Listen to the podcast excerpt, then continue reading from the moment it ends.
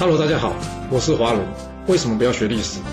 因为学历史会让你了解到顶层阶级的思考方式，成为他们的竞争者，所以他不希望你去学。还有学历史会让你看到许多前人成功及失败的案例，你的竞争对手想要好好的睡个觉，所以他也不希望你去学。最重要的是，学历史会让你了解人性，你的老板以及同事都希望你保持天真的心，所以他们更不希望你去学。就是因为这些原因，接下来我要跟你说的是故事，而不是历史。今天的主题是叛徒难有好下场。听到这个主题，会不会觉得这应该是古人想要叫我们对长官忠心才会这么说的吧？真的是这样吗？嗯，有可能哦。不过，让我先说一个春秋时期的故事给你听，你再决定吧。这春秋时期的。魏国的国君魏成功呢，因为一些事情呢，得罪了这个大国晋国啊。后来这魏国啊，差点被晋国给灭了。而这魏成功自己呢，也变成了阶下之囚。好在啊，他这个臣子啊，也就是我们上次说的那位宁宇啊，巧思计策，让这晋国呢同意释放他。这下子，魏成功终于有机会重新回到魏国担任国君了。但是事情有没有这么顺利呢？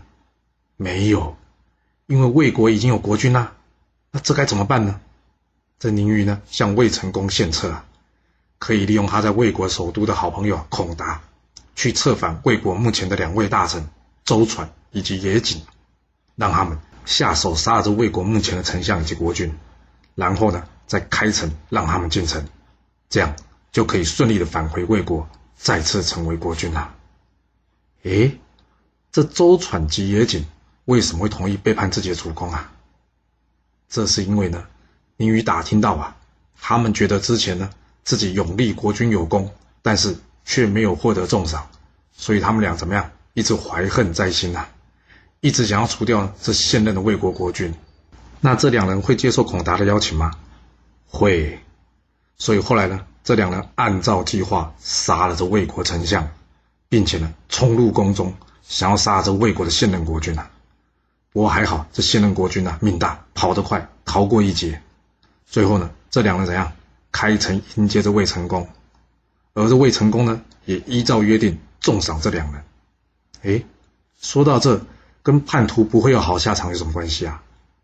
有，我们接着说吧。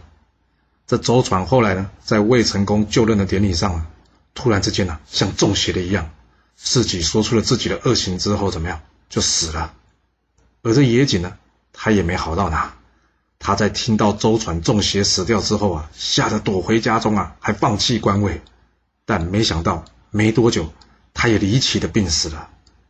这么说，最多就是善有善报，恶有恶报，这是老天在惩罚，不是吗？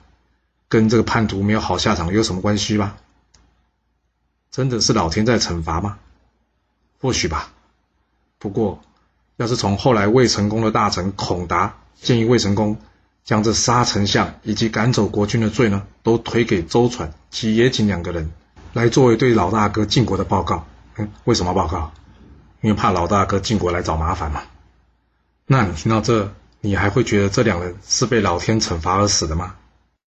为什么老板们都很在乎下属忠不忠心呢？你有没有想过啊？要是你是老板，下属不忠心，就表示他随时可能因为任何理由背叛你。那这样管理人这件事会不会变得非常非常难，或是说成本非常非常高？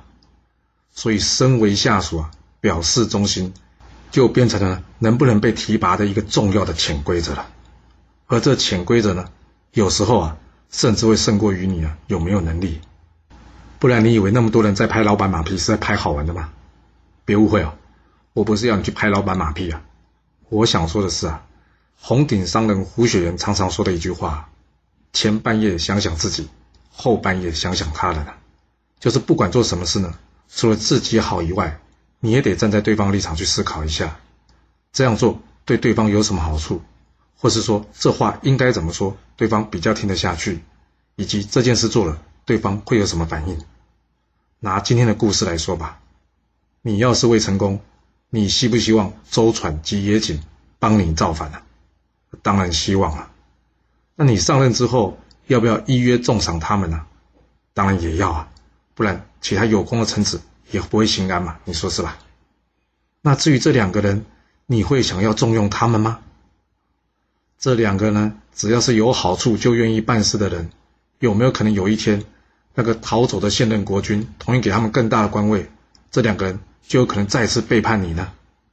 你希望这种背叛主人的人留在你身边成为榜样吗？或许有人会说啊，春秋时期许多大臣弑君篡立了，这些事情屡见不鲜，但是仍旧被新上任的国君重用啊，这话说不通啊。其实两件事还是有点差别的，差一点在哪里啊？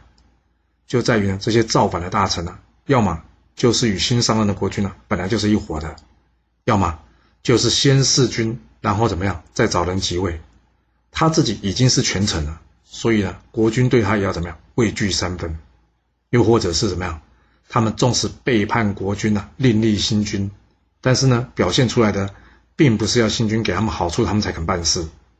这种潜规则是不会拿到台面上当筹码的，所以下次你听到那些因为好处啊拿公司资料跳槽到竞争对手的那些人呢，或许一时之间呢表现不错，但你觉得他的新老板会怎么看他呢？